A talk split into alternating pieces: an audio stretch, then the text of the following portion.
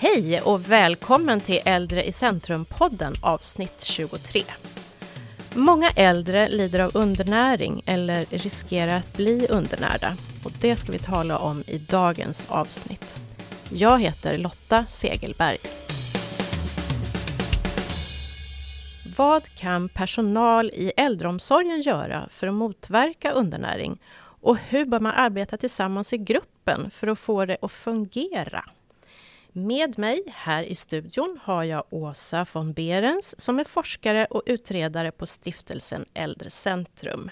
Du är engagerad i flera projektuppdrag om undernäring och har också arbetat som dietist. Välkommen! Tack! Och sen har vi även Albert Westergren. Du är professor i omvårdnad vid Högskolan i Kristianstad. Du har skrivit boken Undernäring hos äldre du är också sjuksköterska i botten och det är en tradition i din släkt har jag förstått. Välkommen hit! Tack!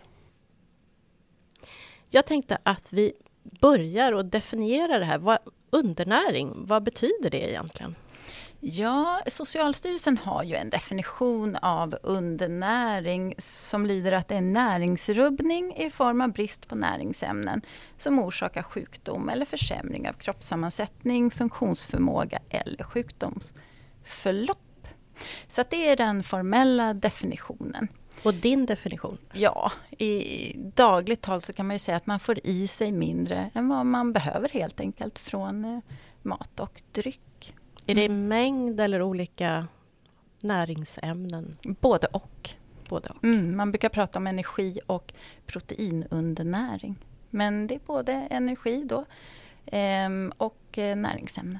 Men mäter man det eller ser man det? På, eller är det vikt eller hur? Ja, men det finns olika sätt att eh, se om någon är undernärd. Och det finns, en, det finns diagnoskriterier för undernäring som är ganska nya. Eh, där det ingår både då eh, vikt och längd så att säga. Eh, och an, även andra tecken eh, som definierar om man är undernärd. Men det finns även andra sätt att definiera det här, vilket kan bli lite problematiskt ibland faktiskt, att det finns olika definitioner på det. Vad kan man drabbas av då om man är undernärd och lite äldre? Det är väldigt mycket olika saker som man kan drabbas av. Det jag tänker på är säkert bara en bråkdel utav det som man kan råka ut för om man blir undernärd. Men eh, bland annat så är det ju generellt sett en ökad risk för att bli sjuk, ökad risk för att dö. Man får en försämrad livskvalitet, nedstämdhet, depression till exempel. Man kan få problem med minnet också. Bland annat beroende på vitaminbrist så kan minnet försämras. Muskelsvaghet eh, som i sin tur leder till att man får svårt att hålla balansen, ökar risk för att falla och ökar risk för benbrott. Ökade sjukvårdsbehov, svårläkta sår, sämre immunförsvar och så vidare. Oj, oj, oj, det är en lång lista. Hur, vem brukar upptäcka det här? Är det man själv som misstänker det men inte säger något eller är det anhöriga eller vård? Eller? Jag tror oftast är det anhöriga som upptäcker och märker tecknen på undernäring. Eh, så har man själv svårigheter. Vi har ju rätt så mycket behov av att klara oss självständigt. Inte att be om hjälp i det första steget. Eh, och därför kan det gå rätt så långt med undernäringen innan man någon upptäcker då att man faktiskt söker eller får hjälp på något sätt. Man pratar ju mycket om risk för undernäring i vården. Eh, vad, vad, är det då man talar om för risker? Och vilka riskerar att drabbas av det här framför allt? Mm. Man, man, pratar ju om risk för undernäring och, och, och, det är ju så att undernäring kan ju ses både som en orsak till sjukdom men också en konsekvens av sjukdom. Så, så har man många andra sjukdomar så har man en ökad risk att drabbas av undernäring också. Och man brukar prata om tecken på undernäring för att se vem som kan vara i risk. Och då kan det till exempel vara oavsiktlig, alltså ofrivillig viktminskning. Om man har ätproblem, alltså problem tugga och svälja, aptitlöshet eller en låg vikt så kan det vara tecken på undernäring. Om man pratar om riskbedömningar ehm, eh, av undernäring. Och då är det viktigt att se de här tecken som kan finnas hos personen för att sen också då få hjälp med att göra en riskbedömning för att se om en risk föreligger. Eller faktiskt kanske föreligger en undernäring till och med. Mm. Och där kan man väl också lägga till att i, i sjukvård eller i omsorgen att man gör, ska göra en riskbedömning just för undernäring. En sån här initial bedömning. Och sen om man det visar sig att ja, här föreligger en risk för undernäring så det är också då viktigt att man går vidare med att eh, undersöka orsakerna. Vad är det som gör att det finns en risk? Eh, och att man gör en så kallad fördjupad bedömning för att om möjligt också diagnostisera undernäring. Mm. Precis, och utifrån den, vad den utredningen och fördjupade bedömningen visar också välja rätt åtgärder. För det kan ju vara väldigt individuellt vad som orsakar och vilka åtgärder som fungerar för just den individen. Och sen också att man följer upp de åtgärderna, att de är gjorda och om de har effekt. Hur bra görs det här idag? Det låter väldigt omfattande och lite komplicerat att hålla koll på. Ja, eh, kanske komplicerat men, mm. men arbetar man inom vård och omsorg, man är ålagd att ha rutiner för det här som ska mm, underlätta det här arbetet. Mm. Jag förstår. Jag tänker de som bor hemma och som mm. bara har hemtjänst. Är det då hemtjänsten som brukar rapportera in eller är det anhöriga? Hur brukar det fungera? Det kan vara på olika sätt och där vill jag, hemtjänsten har ju en väldigt viktig roll i det här för de är ju hemma hos den äldre personen eh, varje dag, känner ofta den äldre personen bra. Har man anhöriga så precis som Albert sa så är det väl ofta, kan ofta vara de som upptäcker de här tidiga tecknen. Men alla har ju inte anhöriga och då har man då hemtjänst så har ju de en väldigt viktig roll. Att se de här små tecknen och ta upp det här till samtal med, med personen och sen då söka primärvården för att få hjälp med den här riskbedömningen och vidare utredning. Så, mm. Ja, Albert. Här skulle jag vilja slå ett slag också för förebyggande hembesök som man genomför i många kommuner i landet där man vanligen en distriktssköterska gör ett eh, hembesök som är helt frivilligt till personer som de inte har någon insats från vård och omsorg. Mm. Och i de här uh, samtalen som man har i hemmet tittar man bland annat på fallrisk och uh, riskfaktorer i miljön som gör att man kanske kan snubbla. Men också att man då pratar om mat och måltider och om det finns några problem och vilka insatser som kommunerna har möjlighet att erbjuda. Att man då liksom upptäcker det här på tidigt stadium. Eh, för det är som sagt lättare att förebygga än att behandla undernäring många gånger. Då får man gå in och kolla då om ens kommun har sån hembesök som rutin eller om man själv kanske får begära det om de inte har det som en rutin. Det tycker jag man ja, kan begära. Det tycker jag också. ja. Vi bestämmer det. Ja, ja, Nej, men jag håller med, för det är ju absolut inte alla heller som har hemtjänst.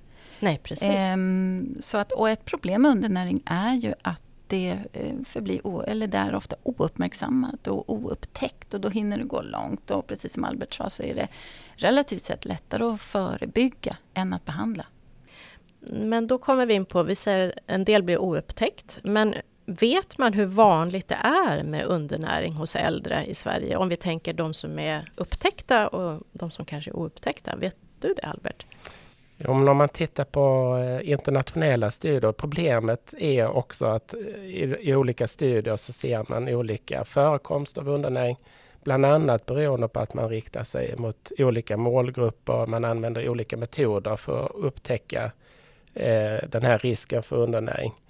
Men eh, en rätt så omfattande studie där man tittade på så många studier som möjligt, där man hade undersökt det här, då så kom man fram till att hos personer som bor hemma så är det någonstans mellan 3 och 9 procent som har risk för undernäring. Och eh, bland de som är på institution så ligger förekomsten på mellan 18 och 29-30 procent ungefär. Det är ganska mycket. Eh, var det här internationella det, studier eller var det svenska? Det var internationella studier, så jag, jag tror Åsa har koll på de svenska mm. bättre. Ja. ja, men det finns en, en del in, eh, svenska studier på det här som har använt siffror från det här kvalitetsregistret Senior alert. Och där har man sett på vård och omsorgsboende att det kan ligga upp till 60 procent som har en risk för undernäring och då är det ju mätt med den här Mini Nutritional Assessment, MNA som man registrerar i Senioralert. Och man har också gjort studier på eh, personer som skrivs in i, i sjukhus, eh, slutenvården och där har man haft siffror ungefär på 55 procent. Eh, och då är det ju personer som har en sjukdom då, så det är ju klart att det är en högre förekomst. Men, och, och, det man ser, och det är ju svårt att mäta vilka som är i risk i hemmet som inte har kontakt med hälso och sjukvården. För en bedömning av en undernäring så krävs det ju längd och vikt och kontakt med hälso och sjukvården. Så att, eh, det gör ju att mörkertalet kanske är stort då och svårt att upptäcka. Mm. Hur, eh, den enkla frågan, hur kan man förebygga? Jag förstår att det här är en jättebred fråga eftersom det är väldigt individuellt eh, med tanke på de som har många olika sjukdomar och mediciner och så vidare. Men kan man ge någon, något brett svar på den här frågan? Hur man förebygger? En viktig förebyggande insats är ju just att vara uppmärksam på de här tecknen. Och då kan det vara den här ofrivilliga viktförlusten. Vi har ju en, ofta en viktförlust i och med att vi åldras. Och man brukar väl säga i runda slängar runt ett halvt kilo per år. Jag vet inte om du har hört den siffran också Albert? Jo, Som liksom den normala viktförlusten. Men har man en en eh, ofrivillig förlust som är högre så är det ett observandum på att något inte står rätt till. Och det, därför rekommenderar man ju att man väger sig regelbundet men man kan ju också se andra tecken som för stora kläder, eh, för stora ringar, klockan hänger löst, tandprotesen börjar bli för stor. Ja, så det finns andra tecken och, och det tycker jag är ett viktigt förebyggande att upptäcka det i tid. En nyfiken fråga bara där. Du säger när man blir äldre så tappar man, vad sa du, ett halvt kilo? Eller något sånt? Ja, ja. som kan ses som när, det normala. När går den gränsen? Jag tänker först mm. så börjar man gå upp i vikt när man blir äldre. Ja. när man inte är jättemycket äldre. Så, så när, det när inträffar det där ungefär då? Mm. Ja, det är svårt att säga exakt och när är man äldre? Jag menar, det är ju väldigt individuellt. Åldrandet sker ju olika för oss. Eh, men man brukar prata om 65-70 år någonting och, och, det finns ju något som heter åldersrelaterad muskelförlust, det som också kallas sarkopeni. Som när vi åldras så, så tappar vi muskelmassa och det kan ju ske en viktminskning i samband med det. Men har man då också en undernäring och får i sig för lite energi så kan ju den här muskelförlusten påskyndas. Och, och det kan ju få allvarliga konsekvenser. Men så att på din fråga, visst absolut på individnivå. Det finns ju de som går upp i vikt och de som är stabila och de som går ner. Så är det ju. Mm. Hade du något du ville lägga till där Albert om hur man förebygger? Jag tänker med, som Rosa var inne på, det här med att vara observant på tecken som indikerar att någon person håller på att gå ner i, i vikt till exempel. Tänker också att det här med försämrat minne är ett väldigt stort observandum också.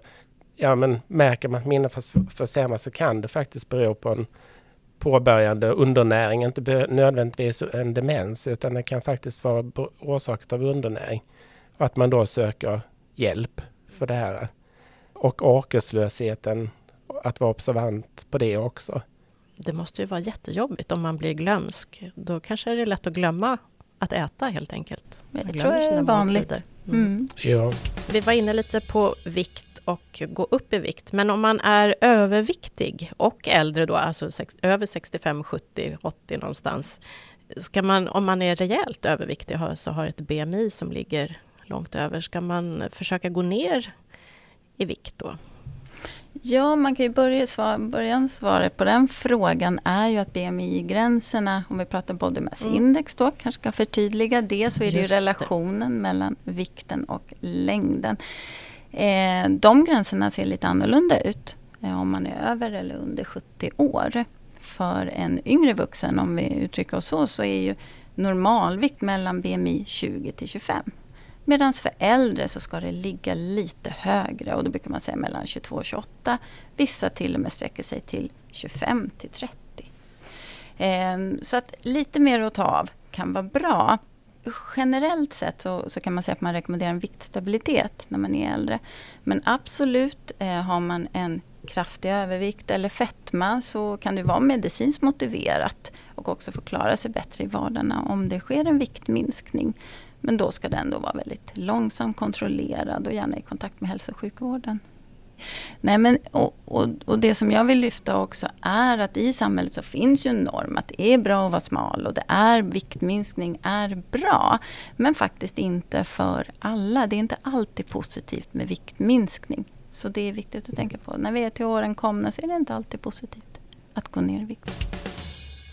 Ja, jag tänkte att vi skulle ta upp lite råd och rekommendationer till de som arbetar med äldre, eh, hur de ska tänka. Och då tänkte jag Albert att du ska få berätta om det instrument som du har varit med och tagit fram som heter MEONF, någonting MEONF. MEONF.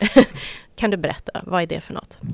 Det här instrumentet är ett enkelt, snabbt genomfört screeninginstrument för initial bedömning utav risk för undernäring. Vad står MEONF för? MEONF står för Minimal Eating Observation and Nutrition Form. Så det är ett kortfattat instrument för observation av ätsvårigheter och nutritionsrelaterade problem. Som vi varit inne på innan här så är ju tecken på den här risken bland annat ofrivillig viktminskning, att man är underviktig eller har ett lågt body mass index men det som också utgör en risk det är om man har någon form av svårighet att äta. Och det är väl det som gör det här instrumentet unikt på ett sätt. För då det man också observerar eh, med MEONF det är då eh, matintaget, kan sitta bra under måltiden, hantera maten på tallriken, transportera maten till munnen. Och sen så har vi förmågan att kunna svälja, där det handlar om att hantera maten i munnen, att kunna svälja den och förmågan att kunna tugga maten. Och den tredje kategorin handlar om energi och aptit. Hur mycket av den serverade maten som man äter upp. Orken att fullfölja en måltid. Och aptiten. Och att genomföra en sån här screening eller initial bedömning med MEOMF, det tar ungefär 5 ja, till 10 minuter. Så det är relativt snabbt och enkelt att göra. Och vi har ju validerat, testat om det här instrumentet fungerar väl gentemot andra instrument. Till exempel gentemot eh, Minne Nutritional Assessment som är väldigt vedertaget instrument. Och då är det väldigt bra överensstämmelse mellan MEONF och den här MNA. Fördelen med MEONF, om jag då ska sälja in det, det är då att eh, Alltså det man observerar där, det är saker som man som omvårdnadspersonal kan hitta åtgärder direkt. Till exempel om det är svårt att inta maten, att man kan behöva ta fram, hitta något hjälpmedel för att lättare kunna hantera besticken. Och vad det gäller matintaget så är också sjukgymnast och arbetsterapeut behjälpliga vad det gäller att förbättra sittställningen och att titta på anpassning av själva eh, måltidsredskapen. Och vad det gäller sväljningsförmågan så har vi logopederna som är specialister där dietisterna vad det gäller konsistensanpassning till exempel. Och sen har vi tandhygienist och tandläkaren som också kan behöva kopplas in om det är svårt att tugga maten. Och vad det gäller energi och aptit så eh, har ju dietisten en väldigt stor kompetens här också. Att titta på hur man kan energiberika måltiden, hur man ska skapa en bra måltidsfördelning, kanske lite färre, eller lite fler mindre måltider som fördelas över dygnet. Så jag eh, gillar tanken på att det ska vara nära och enkelt för omvårdnadspersonal att se vilk, vad är det man kan göra åt problemet och vilka är det vi behöver ta hjälp ifrån. Var kan man få tag på det här instrumentet? Och är det gratis eller hur fungerar det? Det är fritt tillgängligt så är någon intresserad så är det enkelt att kontakta mig till exempel. Det finns ett begrepp som heter nattfasta. Hur, eh, vad betyder det och hur är det, förhåller det sig till de som eh, lider av undernäring? Jo, men nattfasta betyder ju hur lång tid man är utan något att äta och dricka på natten. Från det sista måltiden man äter på kvällen till den första man äter på morgonen. Och där finns ju riktlinjer av att den inte ska överstiga 11 timmar. Och det baseras ju på att om nattfastan är 11 timmar så har man 13 timmar kvar på dygnet att fördela sina måltider över. Och hur det relaterar till undernäring, men har man svårt att få i sig det man behöver så kan man behöva fördela eh, intaget på flera olika tillfällen under dygnet och då har man mer tid att göra det på. Vad eh, behöver personal känna till? Det är mycket känner jag som vi har pratat om här. Om man jobbar inom till exempel hemtjänster eller på ett omsorgsboende. Vad, vad är det man ska tänka på? Ja men precis som du säger, det är ju lite att tänka på. Eh, och, och, det är ju ett viktigt område att skaffa sig kunskap om, om man mm. jobbar inom vård och omsorg om äldre. Så att det är svårt att säga det absolut viktigaste. Men, men, det finns ju den kunskapen som är bra och som man behöver inom sitt eget yrkesutövande. Men som Albert också var inne på så är det här samverkan otroligt viktigt. Eh, mellan den interprofessionella samverkan mellan olika yrkesgrupper väldigt viktig, både i det förebyggande arbetet men också i att behandla undernäring. Så jag ska säga att alla yrkesgrupper som finns inom vård och omsorg om äldre har en viktig roll i det här. Och den kan ju se lite olika ut då. Mm. Vill du komplettera med något? Ja, men jag tänker mig det är viktigt, vi var inne på det innan också, att det, det är lättare att förebygga undernäring än att behandla undernäring. Och sen tänker jag också att det handlar inte enbart om personerna som jobbar nära heller, utan det här är en fråga som är aktuell liksom för hela organisationen. Eh, från ledningen och ner till patienten. Och det räcker inte med 40 minuter för ett hembesök, kanske för en hemtjänstpersonal, för att klara av måltid och förflyttning från stol till toalett och allting ska liksom då måste allting klaffa perfekt, men det gör det inte i vardagen i regel. Så är det viktigt att personalen ges tid och förutsättningar för att kunna ta hand om personerna på ett bra sätt. Mm.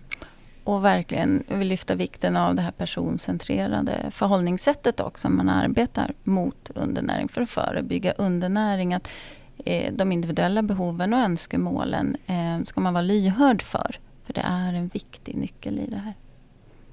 Vad kan man läsa på mer om det här? Din bok till exempel, Albert, vill du nämna den? Ja, den, min bok Undernäring och äldre. Är man intresserad av den så går det också bra att kontakta mig så eh, ska jag se till så att ni får del av den.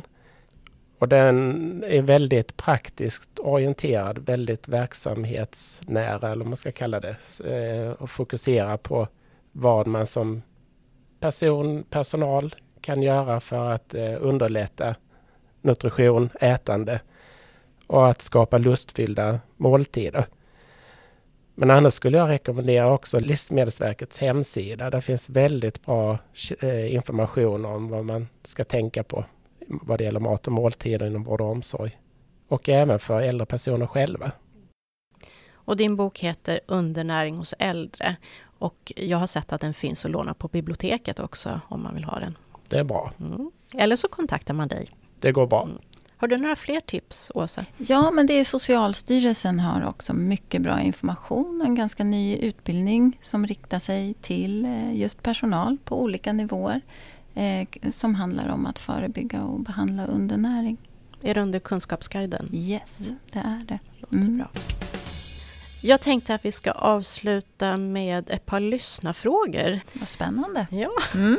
Eh, en av dem handlar om eh, ekonomi och kostnader. Det var en ganska bred fråga, men vad, vet ni vad det kostar samhället med undernäring? Och, och sen var även frågan, vad, vad bör samhället göra för att komma till rätta med detta? Ja, vad det kostar samhället är väldigt svårt att egentligen säger så mycket om eftersom det är eh, väldigt få studier som har tittat på det och problemet är extremt komplext också eftersom undernäring ofta drabbar personer som har flera andra sjukdomar. Dietisternas riksförbund har gjort en del beräkningar som då har grundat sig på studier som gjordes i England och som har försökt översätta det till en svenskt, ett svenskt sammanhang och Socialstyrelsen har kommit med några siffror också. Men man ska ta dem med en viss nypa salt eftersom det är så svårt att beräkna. Men sjukdomsrelaterad undernäring brukas, beräknas utgöra ungefär 10 procent av den totala hälso och sjukvårdsbudgeten, alla kostnader. Och det är en väldigt hög siffra. Det man vet då om man pratar om nutrition i lite mindre, med ett mindre, mer specificerat fokus så vet man att kost tillskott näringsdrycker eh, har, är kostnadseffektiva. Man vet om att genomföra screening eller riskbedömning för undernäring och i kombination med att ge en näringsdryck är också kostnadseffektivt. Det man vet med all säkerhet är att undernäring bidrar till eh, längre sjukhusvistelser. Och eh, där finns också en sån här beräkning gjord som är lite höftat tror jag. med, med tanke på det osäkra underlaget och då är det cirka en miljard kronor per år som eh, undernäring kostar till följd av förlängda sjukhusvistelser.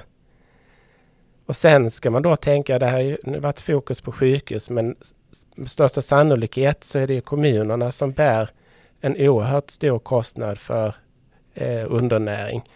Där finns inga beräkningar alls och det finns inget underlag i nuläget att säga vad det kostar.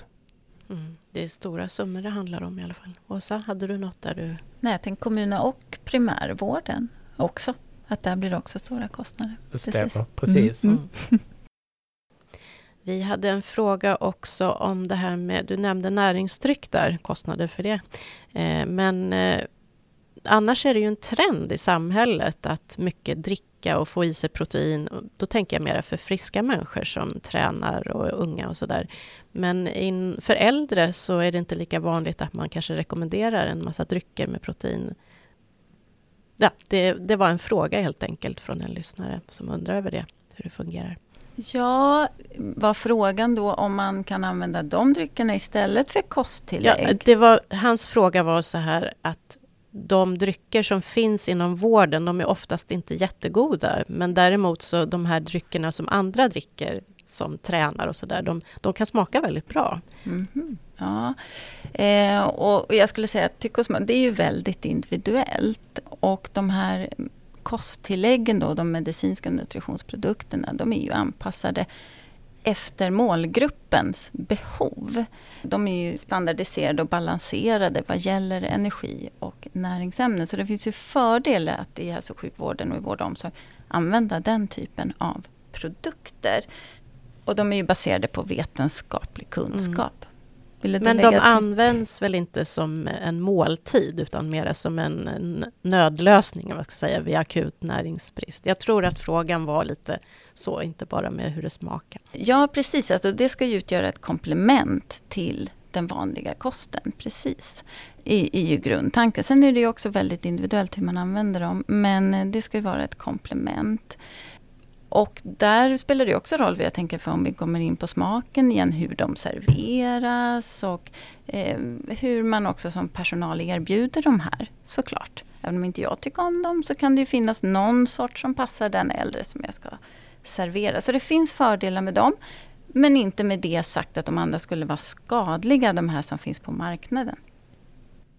Nej, jag kan hålla med om det också. Det kanske upplevs lite enklare när man går i den vanliga butiken och ska handla och tänka att ja, men jag behöver få i mig mera, men hur ska jag få i mig mera? Och så ser man de här hyllorna med olika sporttillskott, eller vad man ska kalla det. Då eh, är det klart bättre med det än att man får i sig för lite. Men eh, jag tror det är också viktigt att söka hjälp och eh, liksom få råd kring sin mat och sina måltider. Jag håller med. Jag håller med. Och precis som du, du sa Lotta, att, att de ska användas som ett komplement och inte ersätta måltider. Och där kan man ju behöva hjälp då om man tänker att det är väldigt tråkigt att äta, man har ingen lust att laga mat, man har inte så många livsmedel hemma. Att man behöver hjälp och stöd kring det på något sätt för att ändå kunna äta. Lagad mat också. Precis, lagad mat är godast. kan vi kanske enas om. Absolut. Ja, och där tror jag vi stoppar för idag för att vi ska fortsätta och samtala om det här i nästa avsnitt som vi kommer att släppa i slutet av sommaren i augusti. Jag vill tacka för er medverkan idag, att ni gav så många goda råd. Tack så mycket. Tack. Ja, vi hörs igen.